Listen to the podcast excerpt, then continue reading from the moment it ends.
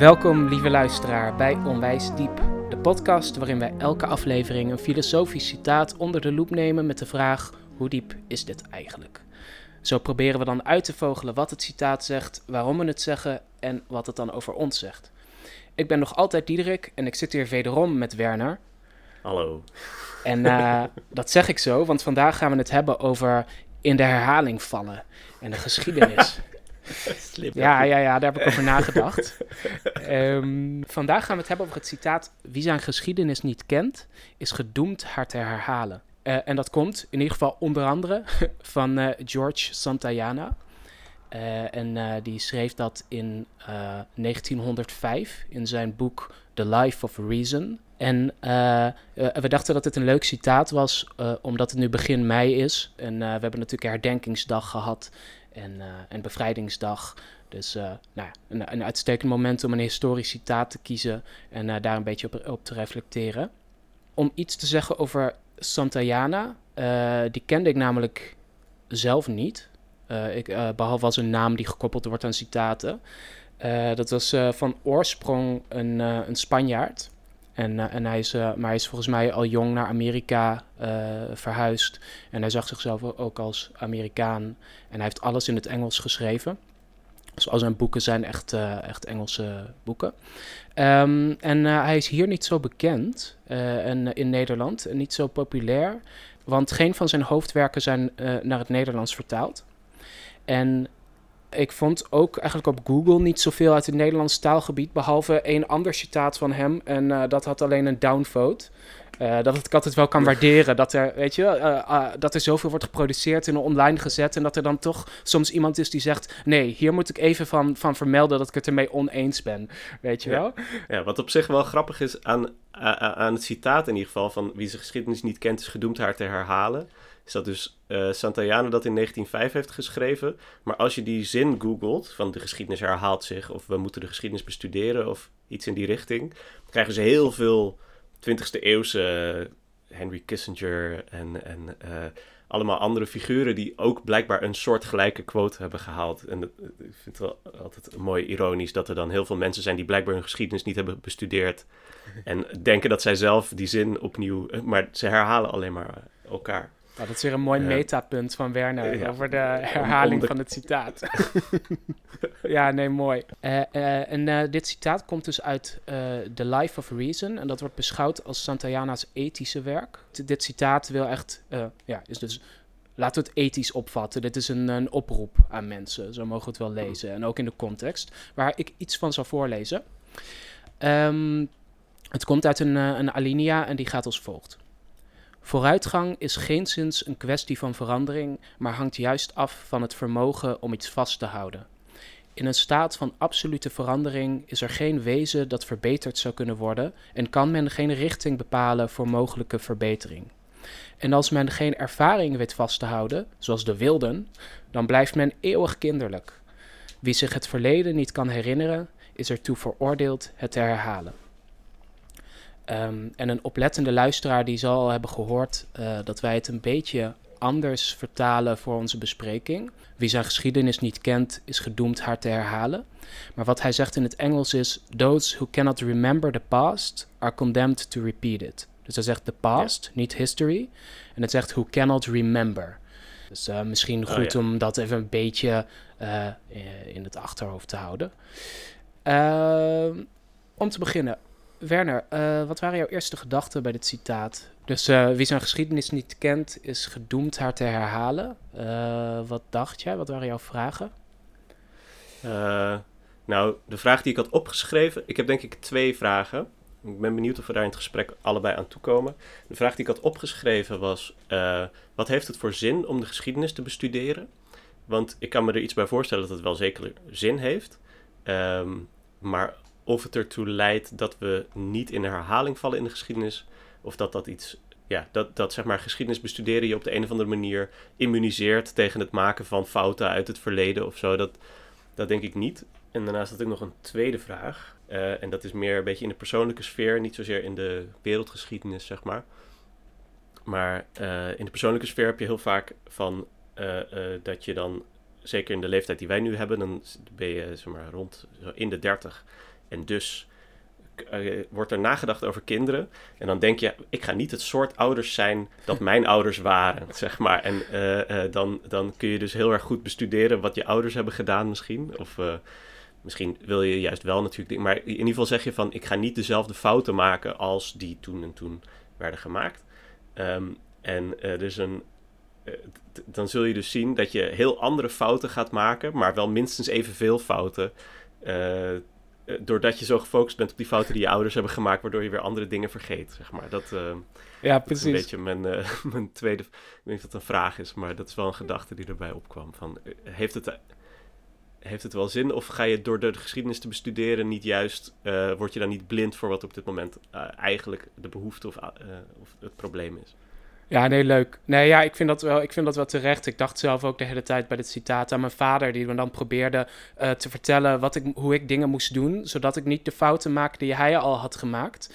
Uh, en, dat is ook, en dat is wel iets wat Santayana ook benoemt van, uh, weet je, het gaat allemaal om zelfervaring opdoen of, en ook een vermogen overdragen of zo. Of de een nieuwe generatie opvoeden op een manier zodat zij zich naar hun wereld kunnen vormen. Zoiets zegt hij.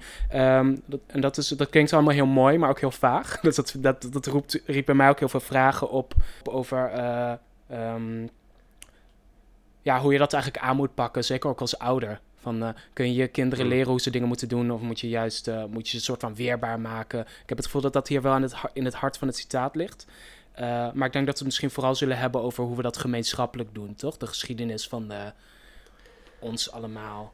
Ja, dat lijkt me wel waar de nadruk van ons gesprek in ieder geval een soort op moet. Uh, ja. anders, dan, anders dan is het einde zoek. Ja, ik, ik, ik, zeg dit omdat ik niet wil dat de luisteraar bang wordt uh, voor een uh, psychoanalytische sessie over onze ouders, weet je.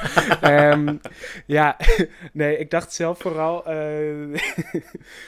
Ja, ik zat, uh, had zelf ook nog een beetje als vraag. Uh, ik merkte dat ik vooral aan dat woord herhaling dacht. En dat heeft hier een beetje een negatieve connotatie van uh, gedoemd om te herhalen. En, dan, en dat impliceert dus herhaling is iets dat we moeten voorkomen.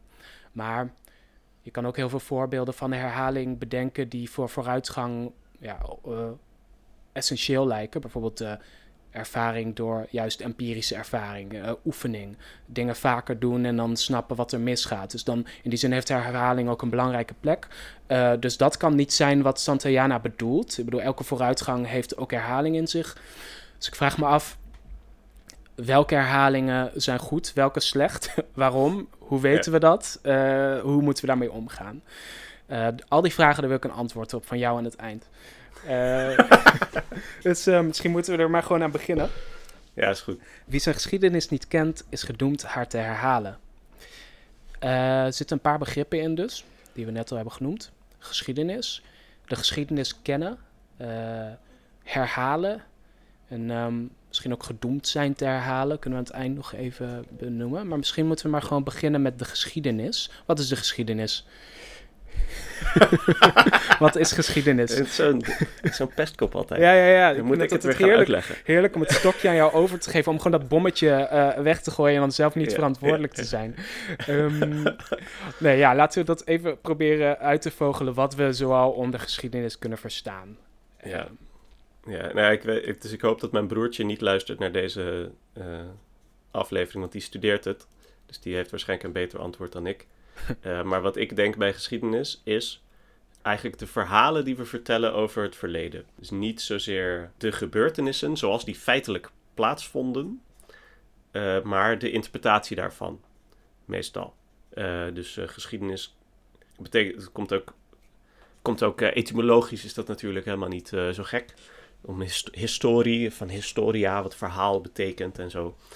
Um, uh, dat, dat het gaat om, uh, oh, dat is ook wat mijn broertje dan doet, een hele hoop bronnen bestuderen en daar dan een interpretatie aan verbinden. Van kijk, dit is hoe je het best kunt begrijpen wat, wat, wat als het ware deze verschillende bronnen en gebeurtenissen en verslagen en zo met elkaar verbindt. Dan kunnen we dus zeggen dat het ongeveer zo moet zijn gebeurd.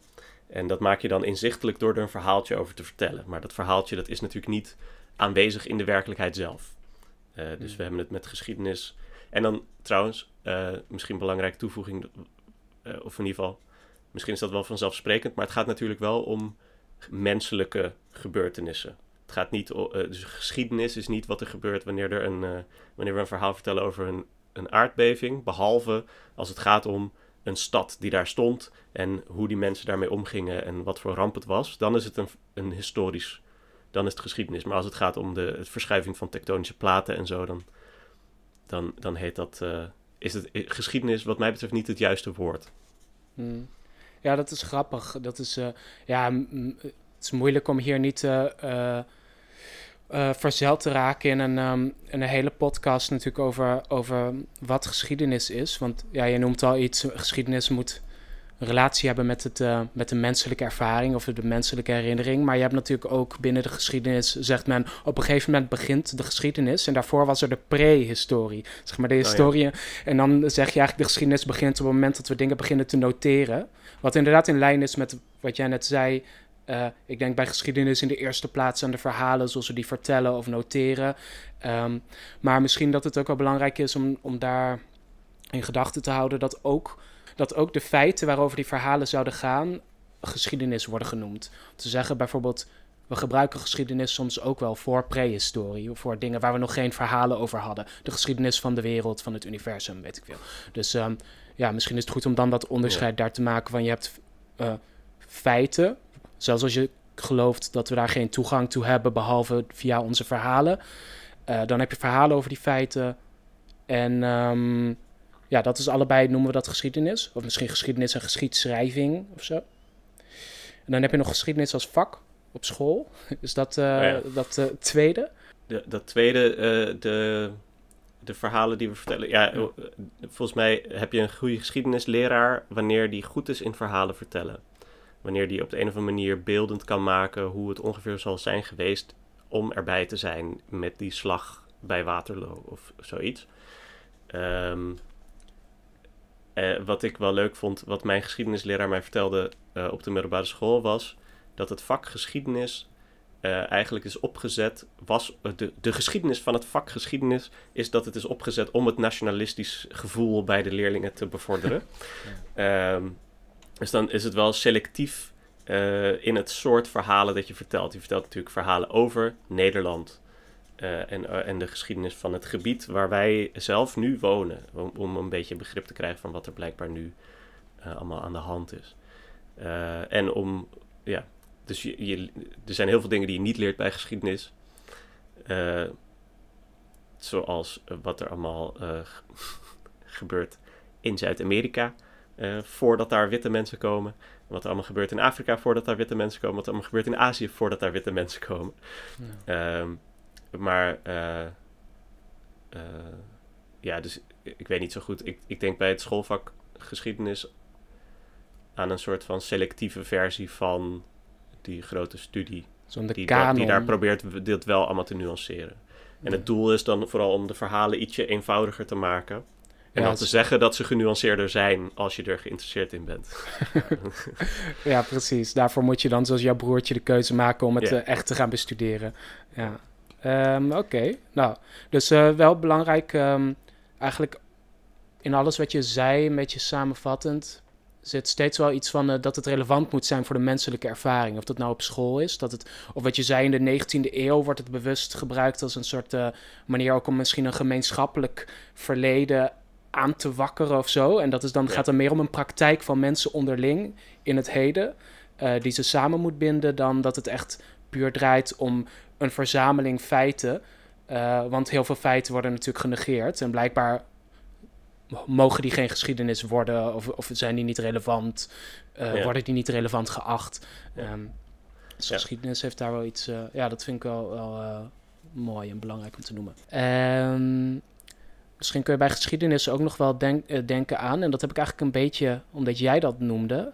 Je kan ook denken aan de mm, ontwikkelende techniek of de ontwikkelende beschaving. En dat is ook iets wat bij Santayana een beetje op de achtergrond speelt wanneer hij zegt, of zelfs op de voorgrond speelt wanneer hij zegt wilden. Wilden hebben geen, weet je wel, die, die, Hmm. die zijn als kinderen en die kunnen niet van hun ervaring leren.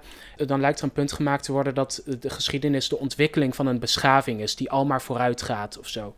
Eh, die zich eh, tot iets beters ontwikkelt dan die daarvoor was. Ja, dan denken wij aan technologische vooruitgang al snel. Gewoon omdat we die eh, om ons heen zien gebeuren. Hmm. Ik heb in de voorbereiding hiervoor nog een gesprekje met ChatGPT gevoerd. wat die allemaal dacht. Zoals men dat tegenwoordig doet. Zoals men dat tegenwoordig doet. Nou, dat was, ik, kon me dat, ik kan me niet voorstellen dat ik... Ik denk dat ik daar twee jaar geleden over dacht dat dat misschien over 100 jaar zou gebeuren. Zo, Ja. misschien 50. Eh, maar inmiddels eh, is het allemaal onderdeel van eh, onze leefwereld. De Matrix is dichterbij dan je denkt. anyway.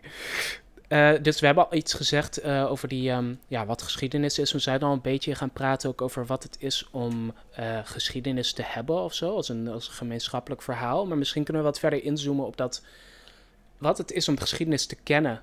Ehm, Hmm. Remember the past, zeg maar, zich, wie zich de her- geschiedenis herinnert. Wat betekent dat?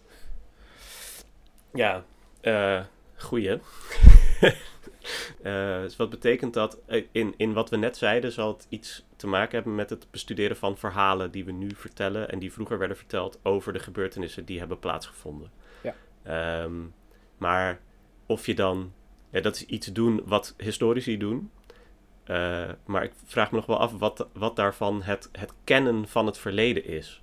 Je kan zeggen, van, je moet het zelf hebben meegemaakt voordat je het kent of zo. En anders dan is het maar een verhaaltje wat natuurlijk, wat je net al zei, wat allemaal misschien wel relevante details eh, weglaat.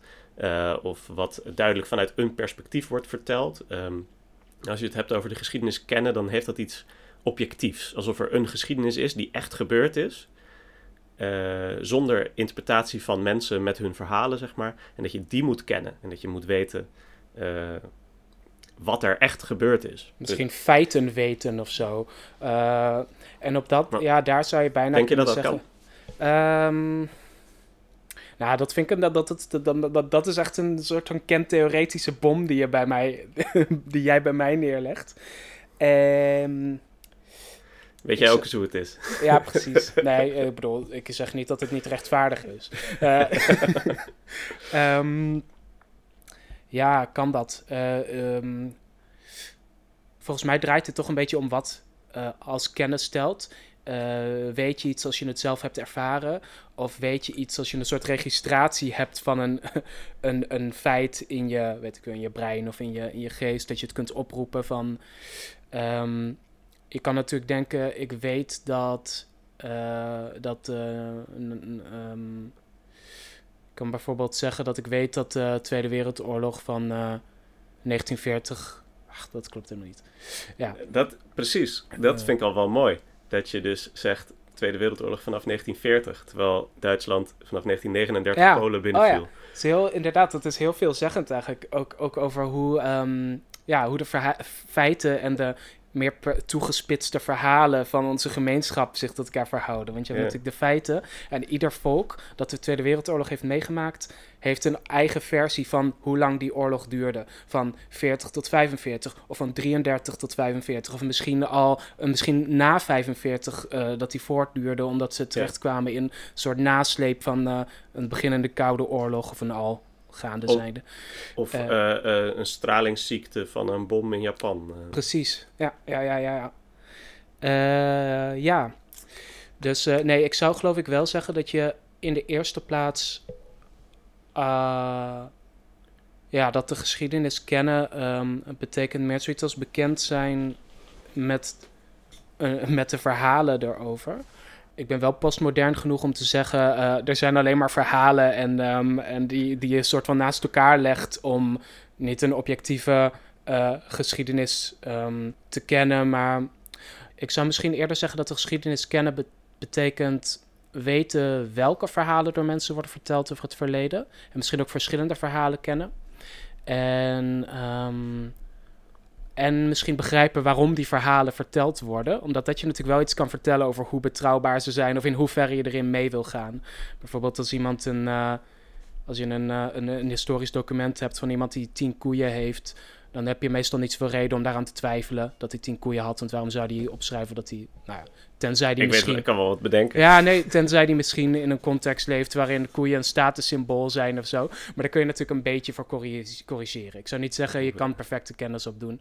Ja, ja. Eh. Hoeveel is, is er maar allemaal van die verhalen over farao's die dan miljard slaven hadden en eh, dat Ja, soort ja. dingen. Nou ja, uh, jij zei je moet weten welke verhalen er zijn en je moet weten waarom die verhalen worden verteld. En het lastige is natuurlijk dat dan ook de, de uitleg van waarom die verhalen worden verteld is ook alweer een verhaal. En als je postmodern bent, zoals jij zegt, dan, dan, dan, dan zit je dus altijd in de bubbel van, van verhalen en interpretaties.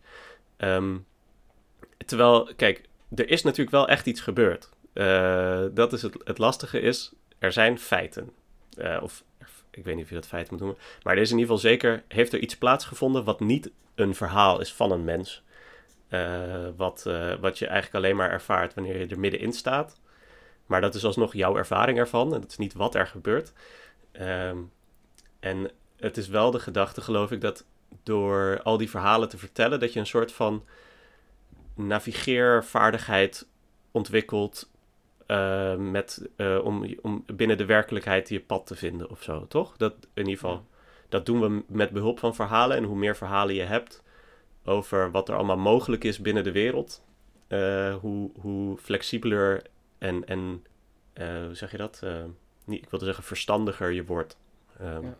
Maar, maar, ik weet niet, daar, daarmee lopen we een beetje naar wat die herhaling dan zou betekenen. Want dat lijkt dan te zijn. Dus uh, we hebben dan nu gehad over geschiedenis en geschiedenis kennen. En dat zou dan te zijn ter voorkoming van herhaling. Maar dan uh, drijven we wel een beetje naar herhaling af, heb ik het idee. Ja. Zullen we daarop doorgaan? Ja, dat lijkt me een goed idee. Um, ja, want hij zegt dus, om het even te herhalen, wie zijn geschiedenis niet kent, is gedoemd haar te herhalen. Uh, misschien moeten we eerst even iets zeggen over wat herhalen is. Want toen ik hierover na begon te denken, zoals ik ook al zei aan het begin, bleek dat herhaling best een lastig begrip is. Veel lastiger dan het lijkt te zijn. Iedereen denkt te weten wat herhaling is, maar je komt er heel snel in een discussie terecht over. Uh, ja, maar het is steeds een beetje anders. En uh, wat is dan nog de herhaling of zo? Of uh, het is steeds iets. Nou, dus um, ja. laten we daar even heel even op inzoomen. Van wat betekent herhaling eigenlijk, of wat kan het betekenen? Ja, ja, ik herinner me een uh, goed gesprek met jou over tweemaal in dezelfde rivier stappen. En over oh ja. of dat wel of niet mogelijk was. Um, nou ja, dat is dus lastig. Uh, herhaling uh, bestaat helemaal niet, want we, we zien tijd als een lijn van nul naar oneindig. Of in ieder geval het einde van het universum. en dat is een lijn die niet, uh, die niet zichzelf nog een keer tegenkomt. Dus herhaling bestaat volgens die conceptualisering van tijd helemaal niet. Ja, nee, niet als je het letterlijk ziet als een lijn. Je kan je de geschiedenis voorstellen als een lijn. Uh, en uh, dan is de suggestie dat elke gebeurtenis volledig nieuw is. Ja. En dat is een eindeloze opeenvolging van nieuwe dingen. Dat is de geschiedenis als, als lijn of zo. Um, maar herhaling, het begrip herhaling hebben wij als mensen bedacht omdat we patronen zien binnen, binnen die constante vloed aan nieuwe dingen. Dus bijvoorbeeld um, als je een patroon hebt op een, uh, op een uh, bijvoorbeeld je hebt een stuk stof met strepen, dan snap je dat de strepen niet allemaal dezelfde streep zijn, maar je ziet een soort regelmatigheid daarin. En dan kun je zeggen, de, in, in tijd betekent dat iets herkennen, of het begint in ieder geval met iets herkennen dat lijkt op wat er eerder was. Ja, nou ja, het leven op aarde heeft een behoorlijk cyclisch karakter natuurlijk. Dat, het, dus de, het ver, ver, verstrijken van de tijd nodigt uit tot heel erg cyclisch daarover denken. Van dag en nacht en jaren en seizoenen en uh, dingen die ieder jaar weer terugkomen. En heus wel op een andere manier dan vorig jaar.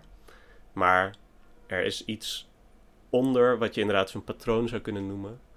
Uh, waarvan je zou zeggen dat is hetzelfde. De, dat is een herhaling. Of, nou, misschien zou je niet zeggen herhaling trouwens. Je zou zeggen dat is het patroon dat aanwezig is. Gedurende het universum. Zou je zeggen uh, dat een patroon en een herhaling niet, uh, of niet hetzelfde is? Of, nou, ik bedoel, ik snap dat het niet precies hetzelfde betekent, maar dat een, een, een patroon vertonen iets anders is dan zich herhalen? Ja, nou, ik zit een beetje tegen de achtergrond van, van oude Grieken die beweren dat tijd helemaal niet bestaat.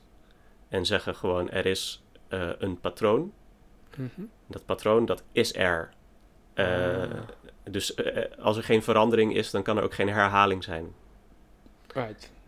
Maar ja, misschien is dat een beetje te ver van, uh, van dan gaan we, dan gaan we te, die, dan, ja, Precies, dan, komen we, dan nou, verzeilen we. ja, en, en dan hebben we het over kosmische tijd en niet over geschiedenistijd. Nee.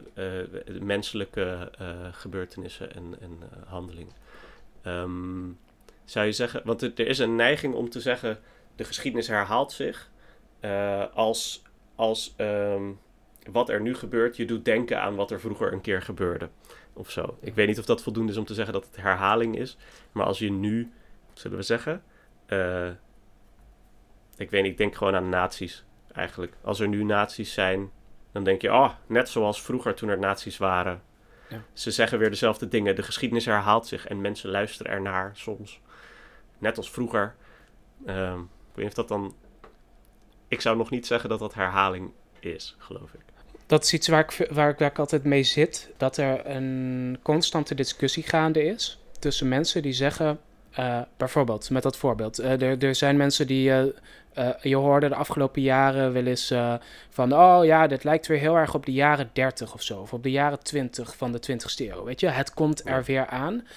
Um, en dat. Um, en dan met als argument, kijk maar, deze dingen zijn vergelijkbaar. bijvoorbeeld deze um, polarisatie of deze economische verschijnselen of deze, ehm, deze dingen die mensen zeggen en die meer aanhang vinden. Dat hebben we al een keer eerder gezien. Uh, en het punt is dan, we moeten voorkomen dat dat nog een keer gebeurt, want anders dan uh, nou, loopt het geheid mis. En dan zijn er, is er een ander kamp dat zegt, ja, het lijkt wel op elkaar, maar het is niet hetzelfde. Ze krijgen een soort wel eens nietes tussen, ja, maar het lijkt heel erg op elkaar en ja, maar het is niet precies hetzelfde. En uh, dat voelt soms een beetje als een vruchteloze discussie, weet je wel? Van ja, natuurlijk is het niet hetzelfde, maar het is ook niet helemaal anders. Ja. er is wel enige relevantie, zou ik zeggen. Uh, ja. ja, dus de, de, de, je kan zeggen, ja, dat zijn oppervlakkige kenmerken die vergelijkbaar zijn. Er waren mensen die zeiden dit soort dingen of zo. Of je kan zeggen, er is een essentieel, essentiële eigenschap aan deze tijd die ook de essentiële eigenschap was aan die tijd.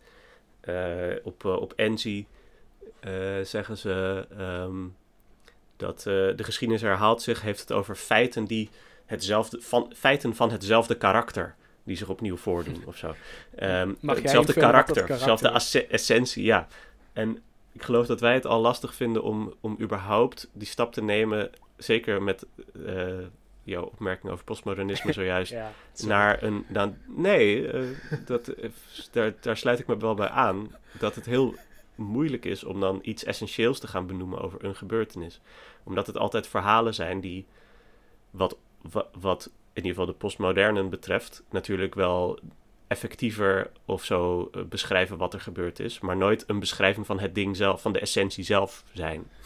Ja, ook bij dat woord karakter inderdaad van dat kan zoiets betekenen als de essentie van iemand, maar als je als postmodern of uh, als iemand met een postmoderne geschiedenis. Als iemand deel van het postmoderne. Nee. Maar als je daar. Sorry. Iemand met een postmoderne essentie. Ja, iemand met een postmoderne essentie. Nee. sorry, nee, doe ik even opnieuw. Ja, bij dat woord. Uh, bij dat woord uh, ja, want bij dat woord karakter, dat kun je natuurlijk opvatten als iemands essentie, iemands aard, wat iemand echt is of diep van binnen. Maar als je daar nu op, uh, als ik daarop reflecteer, dan zou ik zeggen, als ik probeer te bepalen wat is een karakter, dan kom je toch uit op uh, een karakter ontdek je als een soort herkenning van het is een soort contour en dat gebeurt op basis van een context. En dus dat je ontdekt dat iemand een essentie zou kunnen hebben, is alleen op basis van, een, van verhalen en van, um, van oppervlakkige kenmerken, uh, die allemaal al geladen zijn met betekenis, et cetera. Um, dus dat is een beetje. Uh, ja, je, je ziet geen essenties, zoveel wil ik zeggen. Ja. Um, die uh, leidt je af uit jouw leven in de wereld. en dan. ja, dus dan hebben we ons postmoderne momentje ook even gehad. Ja, heel goed. uh, ja, maar ja, dat is dus wel het idee natuurlijk. Dat is ook waarom we al die verschillende verhalen willen vertellen. Is omdat we dan de gedachte hebben van, ah, dat gaat ons dan iets... Uh, ook al kunnen we geen directe toegang hebben tot de essentie van wat er daadwerkelijk gebeurd is... dan kunnen we alsnog uh, daar... dat, dat is wel wat al die verhalen met elkaar verbindt. Ja. En als we dan veel verhalen horen, dan kunnen we een beetje een gevoel krijgen ervoor of zo. dat is dan het, de gedachte, geloof ik. Volgens mij is dat mijn naïeve, ongestudeerde mening hierover. uh, right. Oké, okay. en... Um, kunnen we dat dan voorkomen? Zeg maar, ja, zeggen we dan dat er wel of niet herhaling in de geschiedenis is? Ja, wat zeggen we? Hebben we hebben daar een mening over? Um...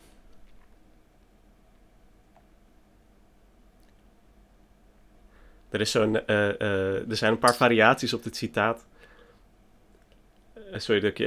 Ja, ja, nee, er zijn een paar variaties op dit citaat. zoals, de geschiedenis herhaalt zich niet. Historici herhalen alleen elkaar. dat vind ik een hele mooie. ja, ja, ja, ja, ja. Dat is wel een beetje, geloof ik, wat we net ongeveer maar dat is wel. als conclusie hadden. Ja, nou, ik geloof dus dat dat best wel juist. Ja, ik vind dat best wel veelzeggend. Ik zou dus eigenlijk, ik geloof dat ik zou zeggen, de geschiedenis herhaalt zich wel. Maar als je denkt aan de geschiedenis, precies als dat complex van verhalen um, dat wij elkaar vertellen. En ik geloof ook de enige manier om geschiedenis te hebben, is op basis van een herhaling. Laat zeggen, als alles alleen maar on, laat zeggen, onvergelijkbaar nieuw was, um, denk ik niet dat, uh, dat, dat mensen. Dat is een beetje een. Um, een beetje een abstract punt hoor. Misschien kan ik het iets concretiseren. Let's go, doe het. Nee, doe gewoon het abstracte punt. Um, Kijken we daarna wel. Ja, want ik denk dat, uh, dat herhaling um, misschien wel een vereiste is om ge überhaupt geschiedenis te hebben. Dat we zeggen, je, er moet iets zijn of je moet, er moet een herkenning plaatsvinden.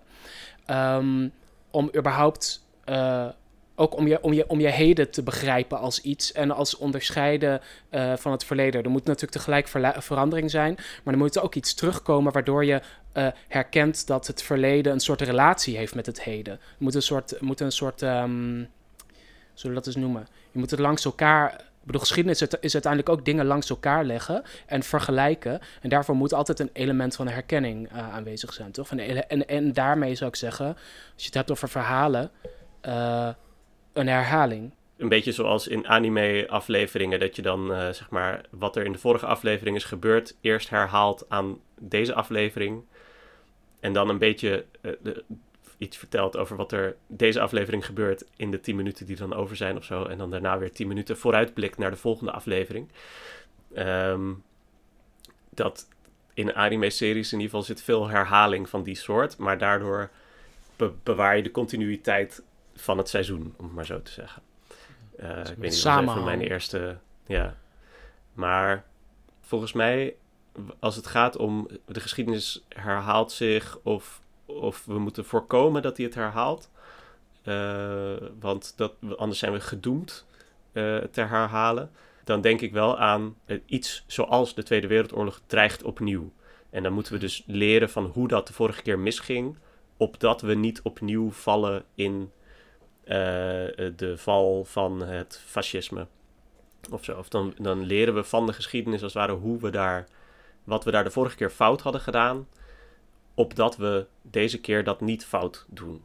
En ik hmm. vind het nog wel, uh, in ieder geval is dat de interpretatie waarin ik het citaat vaak, of de context waarin ik dit citaat eer, vaker hoor dan wat Santayana misschien bedoelt met de zin van, ja, je moet wel onthouden wat je fout hebt gedaan in je persoonlijke leven, want anders maak je fouten opnieuw. Uh, zoiets, maar dan op de wereldschaal van uh, wereldoorlogen en zo. Dat is de context waarin ik dit citaat vaker hoor. En daar wil ik het nog wel even over hebben. Van wat. Ehm, nou, de vraag waar ik mee begon was. Wat heeft het voor zin om de geschiedenis te bestuderen? En we hebben nu.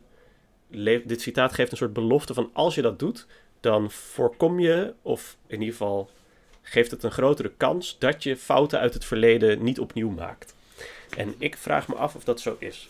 Dus leidt het uh, kennen van je geschiedenis, het bestuderen van geschiedenis ertoe uh, ja, dat je bepaalde fouten niet herhaalt. Dus met het voorbeeld van um, de Tweede Wereldoorlog uh, kan het helpen om, om die te bestuderen. Helpt het om die te bestuderen om te voorkomen dat het nog een keer gebeurt? Um, wat, wat vinden we daarvan? Ik vind het nogal een claim. Ja. Nou, of tenminste, is dat de claim die, die hij uh, die die maakt? Misschien moeten we dat wel even zeggen. Hij stelt natuurlijk, het citaat zegt iets voorzichtiger misschien van... Um, als je het niet doet, zeg maar, als je geschiedenis niet kent, dan, uh, dan gaat het... Uh, geheid mis. Zeg niet per se, als je de geschiedenis wel kent. Weet je, als je de geschiedenis wel kent, kan dat natuurlijk alsnog misgaan. Maar als je de geschiedenis wel kent, dan is dat in ieder geval een voorwaarde om. ehm, eh, eh, de- ja, Ja. De, laat zeggen, de slechte geschiedenis, de foute geschiedenis, de fouten uit de geschiedenis, om die niet te herhalen. Ehm, Ja, wat hij zegt is: vooruitgang is niet hetzelfde als verandering. Het is vooruitgang wanneer er iets behouden blijft van wat er is gebeurd, waarop wat een soort stabiliteit garandeert, waar de verandering vervolgens weer op kan voortbouwen. Als een soort sneeuwbal die een kern nodig heeft om überhaupt groter te kunnen worden. Ja. Maar mijn introductie, eh, dus het, het boeit me eigenlijk niet zo wat Santayana eh, bedoelt. Eh, want mijn introductie van die vraag was: je hoort dit citaat het meest gebruikt worden in wereldgeschiedeniscontext. eh wanneer het gaat over de Tweede Wereldoorlog of zo. Of, of nou, noem maar andere rampen. En in die context wordt gezegd: wie zijn geschiedenis niet bestudeert, is gedoemd haar te herhalen. Dat wil zeggen, als we niet goed opletten welke fouten men in t- eh, 1933 heeft gemaakt, of daarvoor en, en daarna, dan hebben we eh, onvermijdelijk ook 1940, 1945 eh, eh, komt er dan aan, tenzij we goed bestuderen wat er toen misging en dan kunnen we het voorkomen. Volgens Ja. mij geef ik dan een eerlijke interpretatie van hoe mensen dit in ieder geval gebruiken. Ja. Eh, en ik vraag me af of we het daarmee eens zijn. Want eh, ik heb. Nou, laat ik dan zelf beginnen. Ehm, ik denk van niet. nou, daar kan ik kort over zijn. Nee. Ehm, dus je zegt eh, nee, maar, maar wijd uit. Nou, ik denk dus eigenlijk dat, dat waar ik helemaal mee begon, met dat, dat voorbeeld van die ouders die hun kind opvoeden, dat dat eigenlijk best een goed model is om ook mijn, mijn ehm, probleem met dit op zeg maar, wereldgeschiedenisschaal te zien. Eh, je kunt wel, eh, dus grofweg kun je op basis van hoe je opvoeding was, een voorspelling doen over hoe opvoeden werkt en zo. Eh, jouw beeld van hoe jij bent opgevoed is natuurlijk ook weer anders dan hoe jij daadwerkelijk bent opgevoed. En hoe jouw ouders dachten dat ze jou hebben opgevoed. Eh, maar dat even terzijde, want het gaat om. Hè, stel dat je die verhalen gebruikt om te interpreteren wat er is gebeurd. Dat is dan even de geschiedenis. Helpt dat je dan ook een betere opvoeder te zijn. Ehm, en in, in de parallel is dan, als je goed leert wat er in de afgelopen 100, 200, 300 jaar is gebeurd. en daar goed, dat goed bestudeert, dan helpt dat je betere politieke keuzes maken. Ehm, dat is al vraag 1. Eh, of dat op individueel vlak eh, kan. Want volgens mij eh, is het probleem met die opvoeding dat dat kind natuurlijk in een nieuwe wereld terechtkomt. Dat er nieuwe uitdagingen zijn bij opvoeden. Dat het kind helemaal niet is zoals jij was toen je werd opgevoed. En dat er allemaal super onvoorspelbare dingen en nieuwe, nieuwe toevalligheden zijn die niet binnen het kader van het verhaal passen dat jij kent. Ehm, en dat noemt, eh, eh, op politiek vlak noemt eh, Machiavelli dat fortuna, dat is het lot dat zomaar inbreekt in je plannen, zeg maar. Alle, alle toevalligheden en, en, en onvoorspelbaarheden die bij de nieuwe situatie horen, die je dus niet had kunnen voorzien op basis van het oude, dat bepaalt uiteindelijk heel veel voor wat er gebeurt. Dus dat is de eerste interpretatie van als je zelf het bestudeert, dan denk ik niet dat je er per se betere keuzes van gaat maken, omdat je dan eh, misschien een al te vast interpretatiekader hebt voor het heden, wat helemaal niet recht doet aan het heden. En de tweede moeilijkheid die ik erbij zie, is dat ehm, dat is ook een variatie op het citaat. Eh, dus iemand die heeft het citaat eh, bij wijze van grapje uitgebreid. Zij die de geschiedenis niet bestuderen, zijn gedoemd om te herhalen. En zij die de geschiedenis wel bestuderen, zijn gedoemd om toe te kijken terwijl anderen de geschiedenis herhalen. En ehm, dat is dus de tweede moeilijkheid van, volgens mij is het een eh, lastigheid om iedereen op dezelfde lijn te krijgen. Eh, Oh, dus eh, het tweede is meer een praktisch politiek probleem of sociaal-politiek probleem. Ja. Van, en het eerste probleem is, zou je dat karakteriseren? Ehm, eh, het verleden helpt je niet om de nieuwigheid van het heden te begrijpen of te weten hoe je daarmee om moet gaan. Want voor het verleden golden de regels van het verleden. En voor het nu gelden nou ja, regels die, die, die we pas in de toekomst, waarvan we pas in hindsight kunnen zeggen: dit hadden we toen moeten doen of zo. Ja, ja ik ben het misschien gewoon niet met Santayana eens dat er een vooronderstelling is van als wij niks doen, dan zal de geschiedenis zich herhalen. Volgens mij ben ik daar niet op tegen. Volgens mij gebeurt er altijd weer iets nieuws. Uh, ja. Wat denk jij? Zijn dat uh, legitieme problemen? Ben je het ermee eens? Vind je van niet? Uh, heb ik dingen dom nou, gezegd? Dus wat, wat hebben we dan gezegd? Uh, jouw positie is geloof ik, als ik het goed samenvat, dat um, de geschiedenis bestuderen is geen garantie zorgt er niet voor dat je geen fouten meer maakt. Want in de toekomst of in het heden maak je weer andere fouten, juist omdat het heden anders is dan het verleden. Dus bijvoorbeeld de ouder uh, heeft zelf bepaalde fouten gemaakt en wil dan heel graag dat zijn kind die niet maakt. En prent dat zijn kind in. En dat zijn kind volwassen is, maakt het die fouten misschien niet, maar gewoon nieuwe fouten die de ouder zich nog helemaal niet voor kon stellen of zoiets. Ja. Is dat ongeveer wat je. Zeg ik dat goed? Ja, dat was het eerste punt. Uh, En het tweede punt is, zelfs, zelfs als je dat zou kunnen doen, dan ben je nog afhankelijk van een hele grote groep mensen die misschien dat allemaal niet heeft bestudeerd of er anders over denkt dan jij. Ja, dan de, inderdaad, zo van de mensen die überhaupt bewust met het verleden bezig zijn, is misschien zo klein dat dat praktisch dit citaat gewoon niet klopt, omdat ja, um, wie, nou, Misschien kun je zeggen, het citaat klopt dan theoretisch, maar in de praktijk is het niet relevant, omdat niemand de gelegenheid heeft om zijn verleden te kennen of zo. Op die manier zoals Santayana dat dan.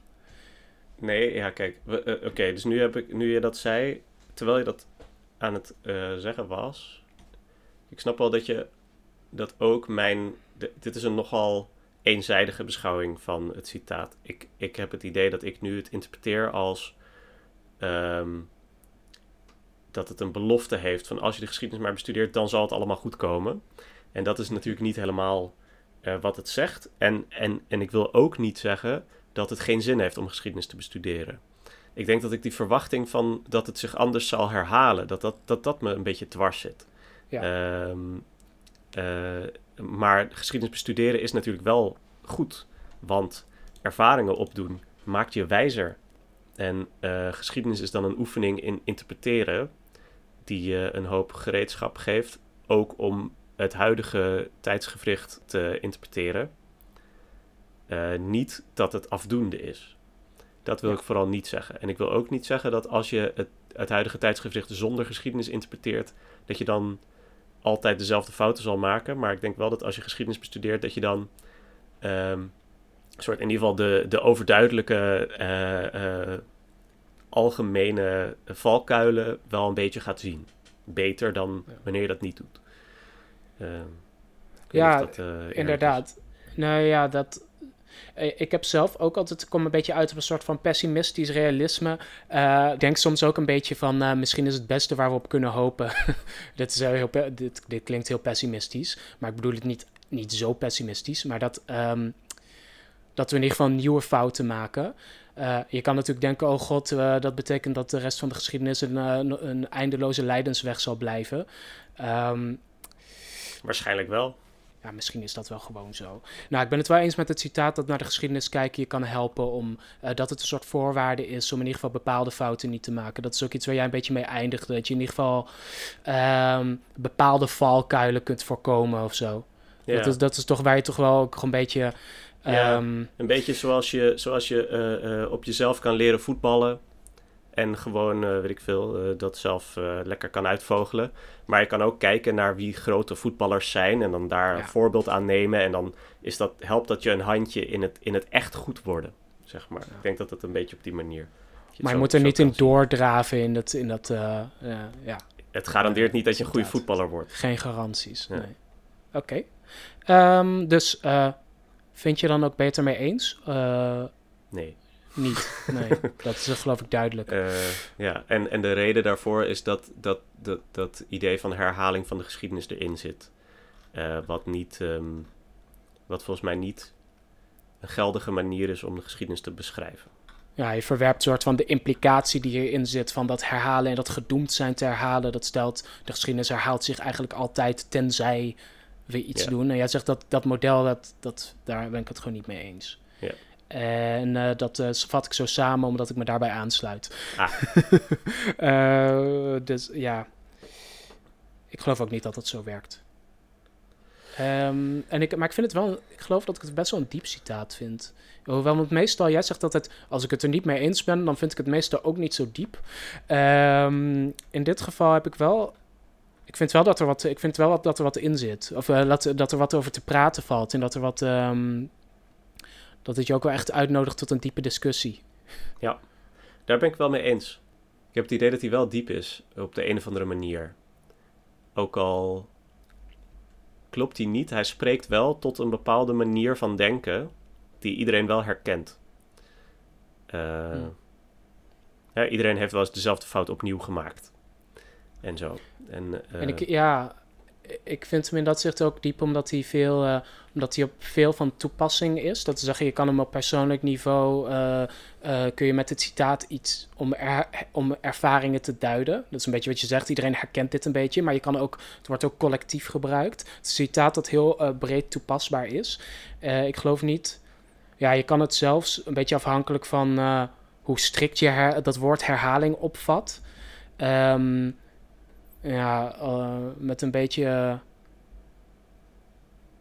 ja, en, en afhankelijk van hoe strikt je dat woord herhaling opvat, misschien eh, vind ik het ook niet 100% incorrect. Gewoon, ik vind het, het, meer met de hele context erbij zeg ik, nee, dit model, eh, daar, dat, dat, dat, dat wat, wat Santayana daarmee impliceert, dat, daar ben ik het niet mee eens.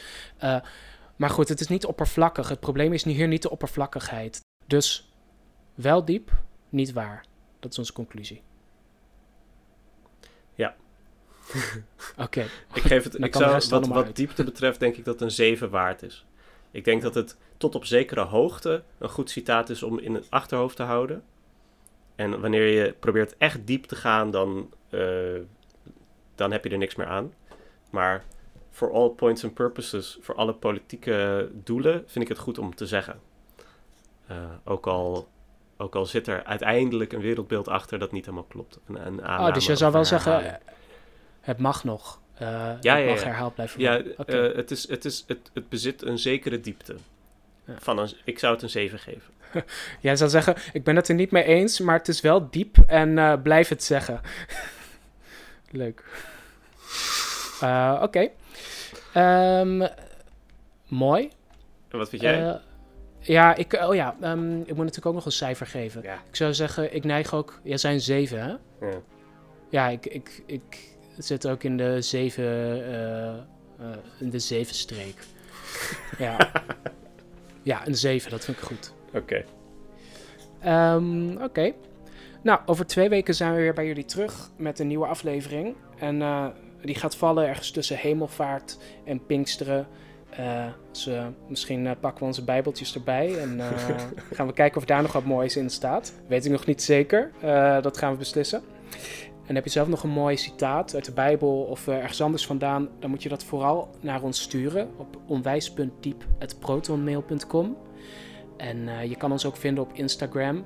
Dus ehm, kijk daar vooral. Dan heb je mooie foto's van ons. En voor nu bedankt voor het luisteren. En tot de volgende aflevering. Yo, tot de volgende keer. Doei.